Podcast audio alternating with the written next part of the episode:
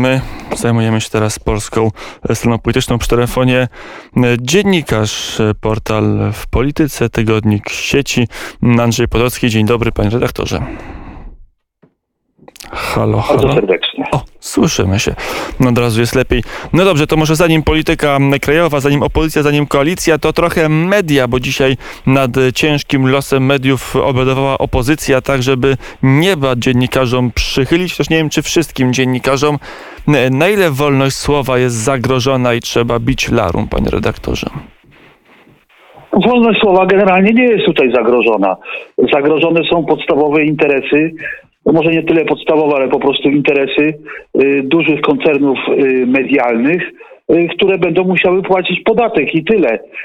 Koncerny te absolutnie stać i na podatek, i na to, żeby z powodu tegoż podatku nie ograniczać y, swojej ramówki, y, czyli jak gdyby ta oferta, która jest do tej pory, może pozostać albo nawet może zostać rozszerzona bez względu na to, jaki ten podatek się płaci.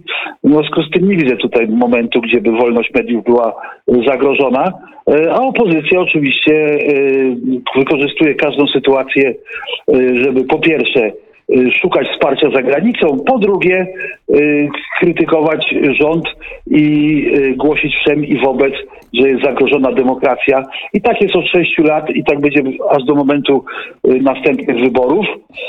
Zobaczymy, kto je wygra.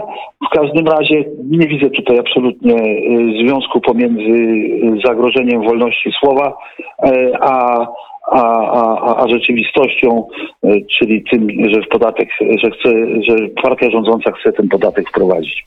Mm, no dobrze, ale z drugiej strony podatek będzie obejmował różne media, przecież nie tylko TVN, nie tylko Polsat, nie tylko te największe, e, także zagraniczne e, platformy cyfrowe, ale też media średnie. Pytanie, czy na pewno dziennikarstwo w Polsce jest na tyle bogate, aby móc płacić dodatkową daninę.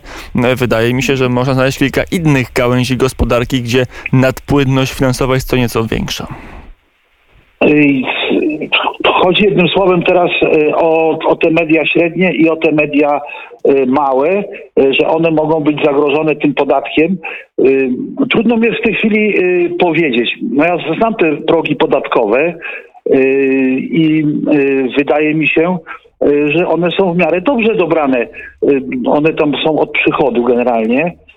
I teraz pytanie jest takie, E, czy te wysokości tych progów podatkowych, tych, te, te, te, tego progu przychodowego są dobrze dobrane czy źle. Wydaje mi się, że raczej siedzieli nad tym fachowcy i dobrze dobrali, y, także nie powinno to uderzać w małe media i średnie.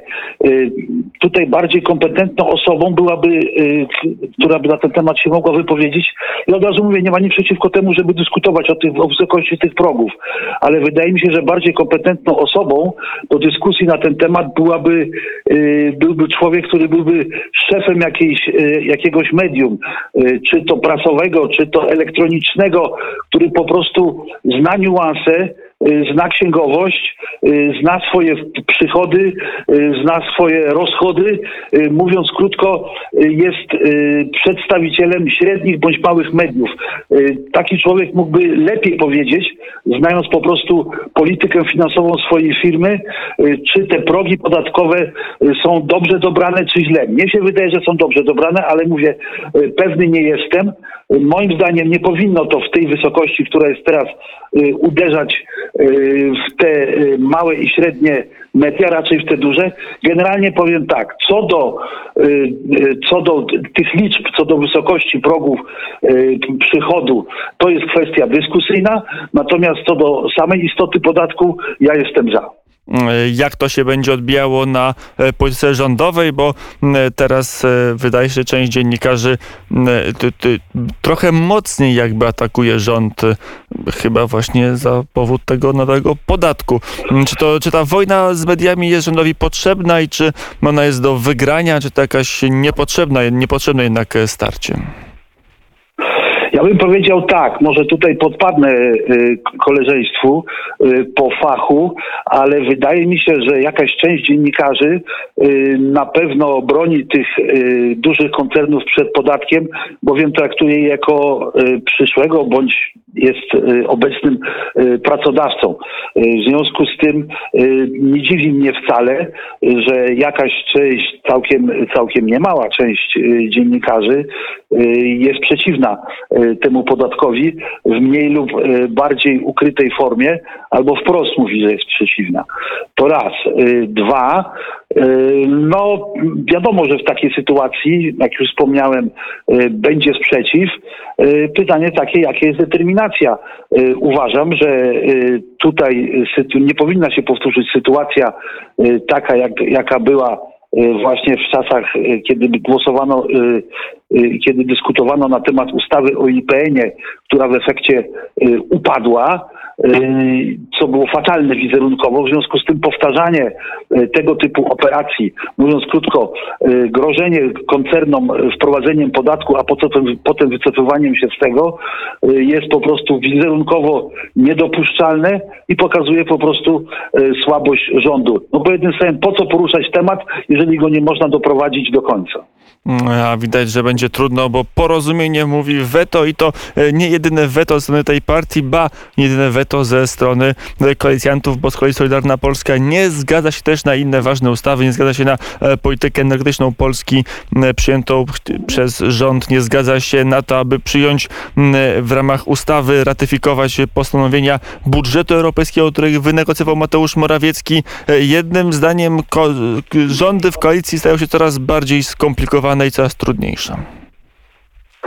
No, Jeśli chodzi o to, co wynegocjował premier Morawiecki, to bardziej tutaj Solidarna Polska y, niż porozumienie. No tak, Solidarna Polska- redaktora. Tak jest, Solidarna Y, Polska, energetyka i Unia Europejska, porozumienie, podatek mediowy. Każda partia koalicyjna ma inne zdanie w kluczowych kwestiach i jak tak dalej będzie można rządzić?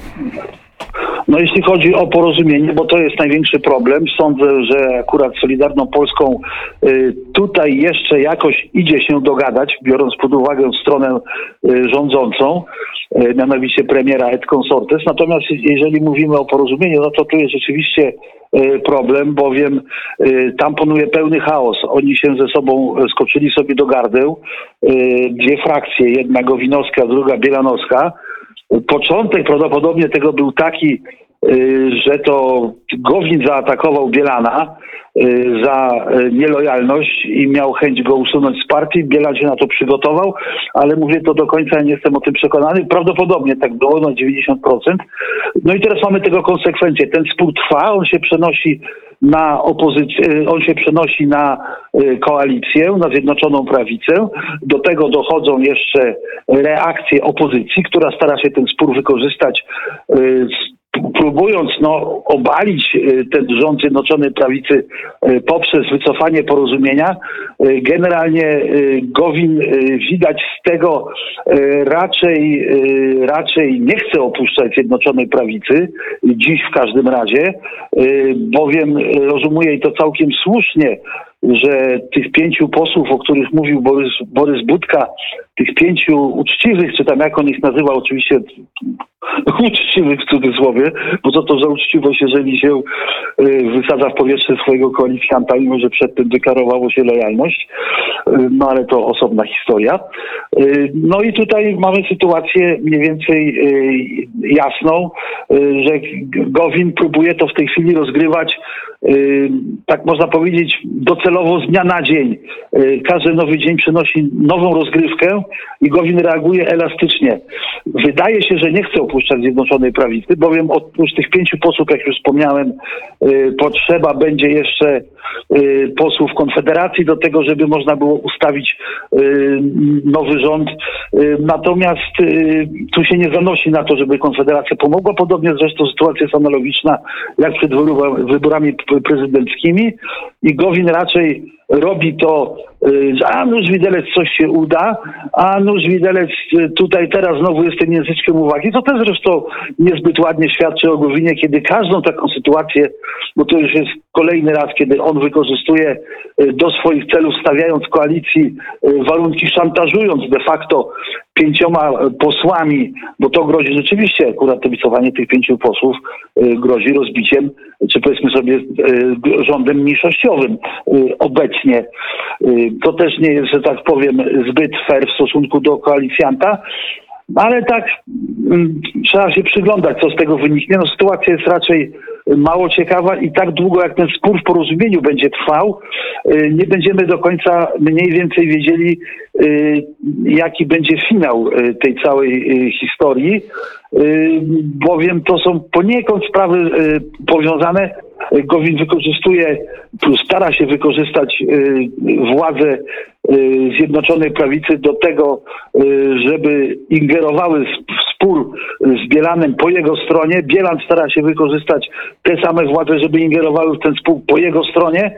No, z kolei tutaj Rosław Kaczyński ma duży problem, bowiem musi lawirować pomiędzy Scyllą a Charybdą. Nazwijmy Scyllą Bielana, Charybdą y, Gowina, bądź odwrotnie, to już nie ma żadnego znaczenia. Istotne jest to, że trzeba lawirować. No i zobaczymy, jak, jak to się skończy.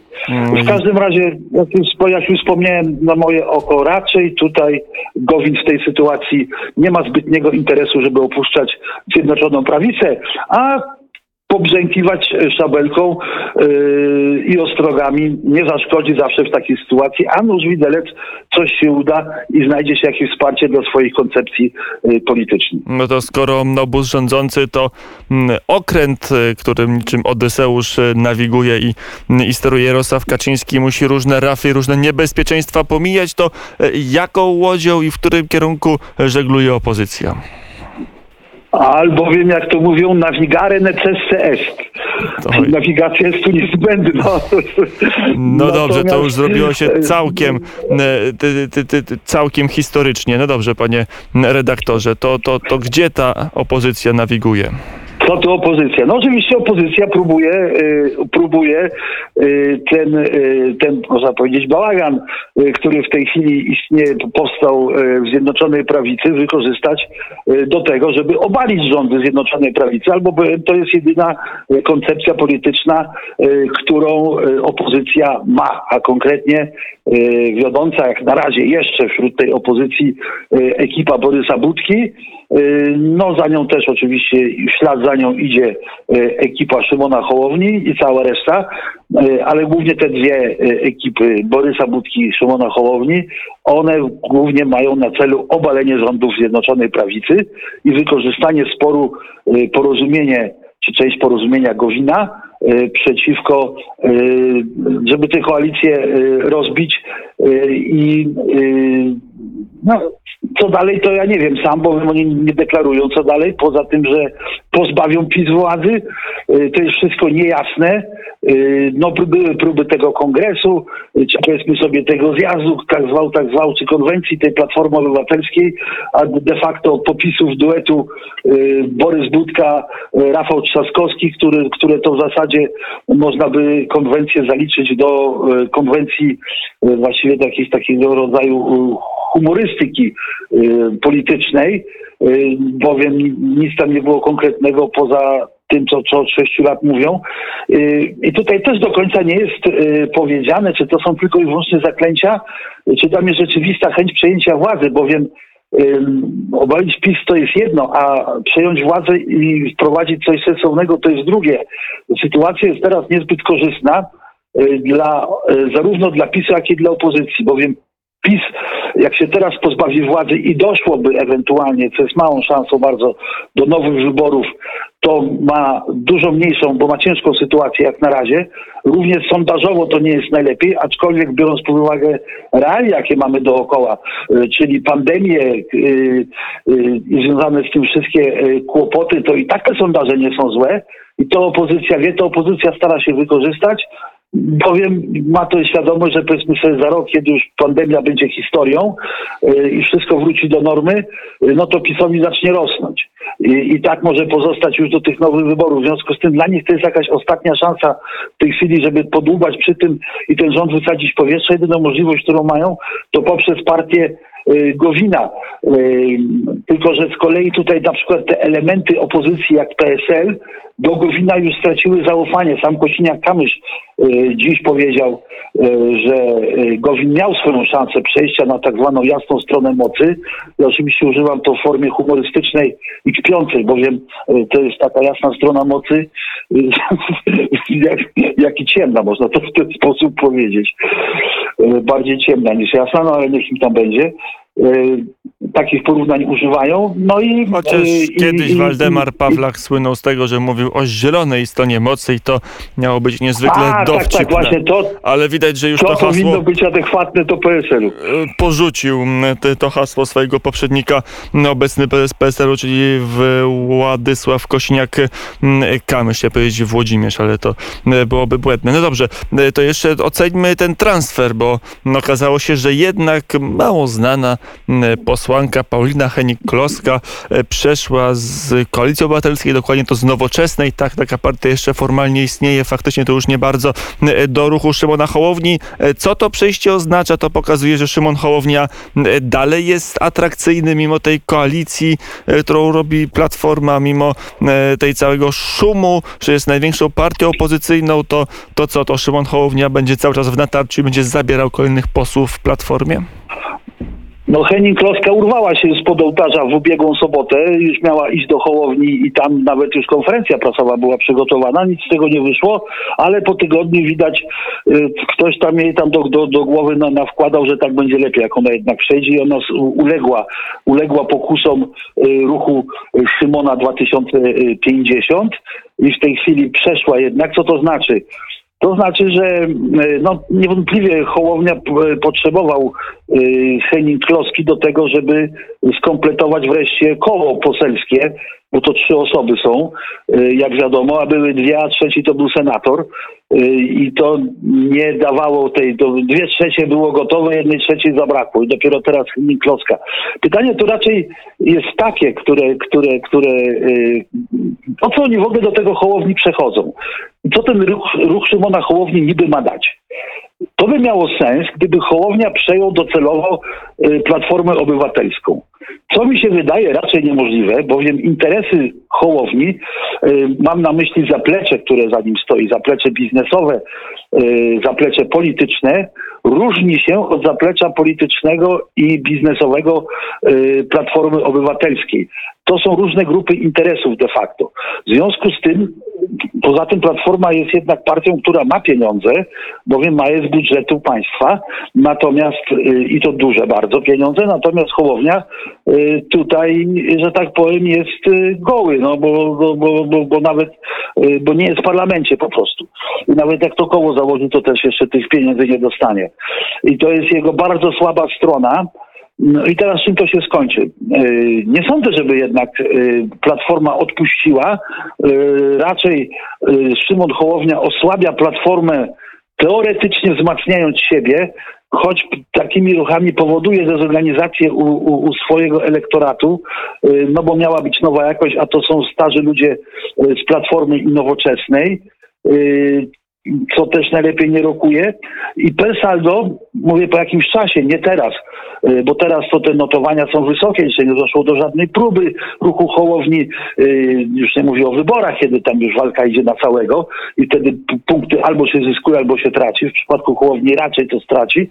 Jednym słowem, cały ruch Hołowni jest na rękę, moim zdaniem, na rękę PiSowi i, i Zjednoczonej Prawicy, ponieważ on rozbija tę jedność opozycji y, i powoduje jeszcze większy chaos, co przy metodzie Donta, która jest później w wyborach y, używana w naszym y, tutaj w Rzeczpospolitej, przynosi, przyniesie opozycji tylko straty.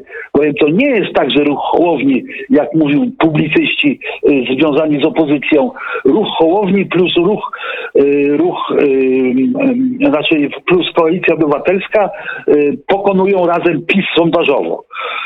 To nie jest prawda, bowiem, bowiem, y, bowiem to nie jest tak, że dwie partie, y, te elektoraty się sumują. Y, Co widzieliśmy najlepiej y, w czasach, y, w czasach wyborów do Parlamentu Europejskiego, kiedy te opozycyjne partie y, właśnie się połączyły i, i, i nie wyszła żadna suma, tylko dużo mniej niż suma y, tych wszystkich y, głosów, które mogły y, zebrać, idąc oddzielnie.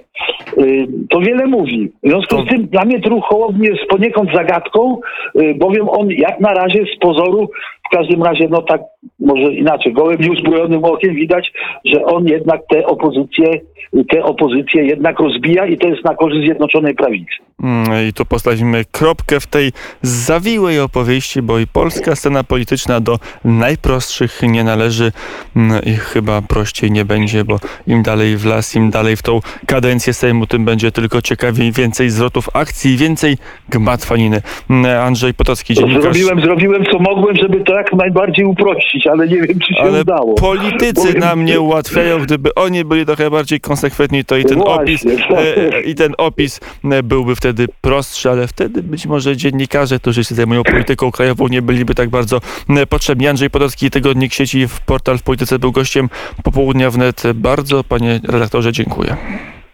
Dziękuję bardzo. Mm, i- Do usłyszenia. Do usłyszenia.